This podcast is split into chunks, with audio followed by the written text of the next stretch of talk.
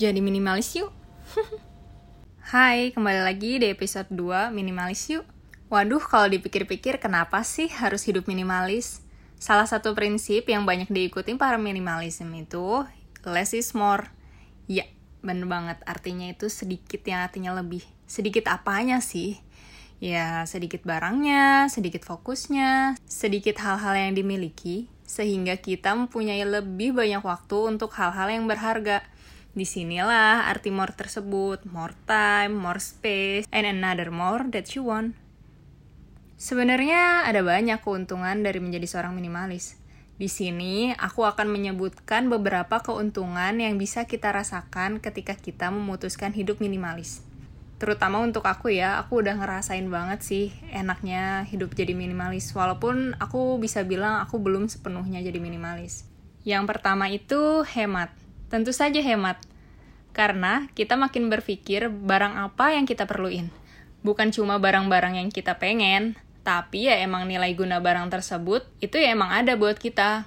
Ya biasanya kan cewek seneng banget beli barang-barang yang lucu.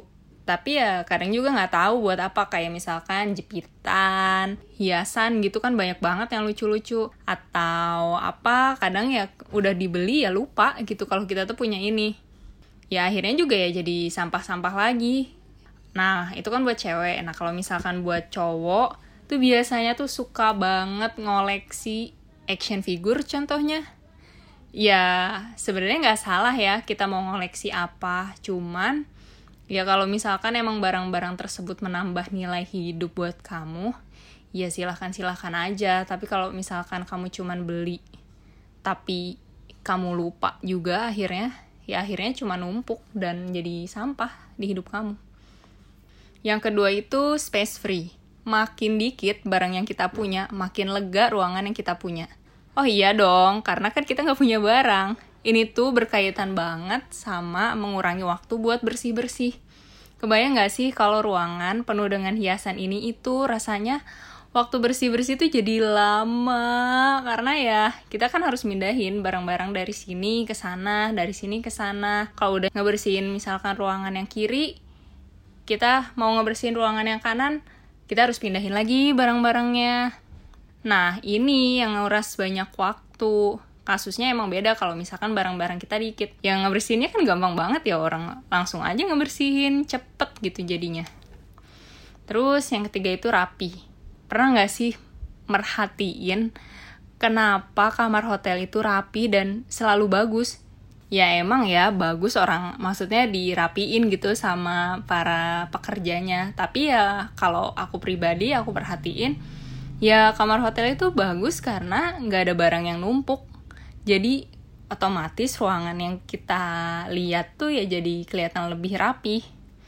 Nah, pola pikir ini yang aku coba terapin di rumah. Aku mau barang aku dikit, sehingga terlihat rapi. Atau kalau perlu, ya aku masukin lemari, jadi nggak kelihatan gitu loh di ruangan terbuka yang jadi kelihatan berantakan. Aku males banget kalau misalkan banyak barang yang nggak disembunyiin di lemari atau ya aku taruh di luar, jadinya aku ngerasa, aduh kamar aku tuh berantakan banget dan juga sengganya kita pun gak perlu terlalu effort gitu kalau mau nata barang-barang ya lawang barangnya nggak ada. Mau apa yang ditata ya nggak sih? Terus yang keempat itu estetik. Ini tergantung ya tapi ya kita bisa mendapat rumah yang estetik. Apalagi kalau misalkan tone warna di rumah tuh udah kita pikirin sejak awal. Contoh jujur nih ya rumah aku kan kayu, jadi kan tonnya udah pasti kayak coklat natural gitu. Nah, aku pasang plafon putih. Aku emang pengennya ruangannya tuh kayak Scandinavian yang putih coklat. Akhirnya aku ke depannya selalu memutuskan buat beli barang-barang yang tonnya putih.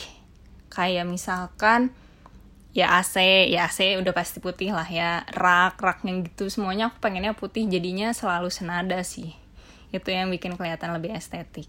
Terus yang kelima, kita jadi punya lebih banyak waktu buat hal-hal yang berharga. Berharga di sini tuh ya tergantung sih ya, tergantung pandangan setiap orang gitu. Ada yang berharganya tuh ngabisin waktu sama keluarga, ada yang misalkan pacaran atau ya terserah lah.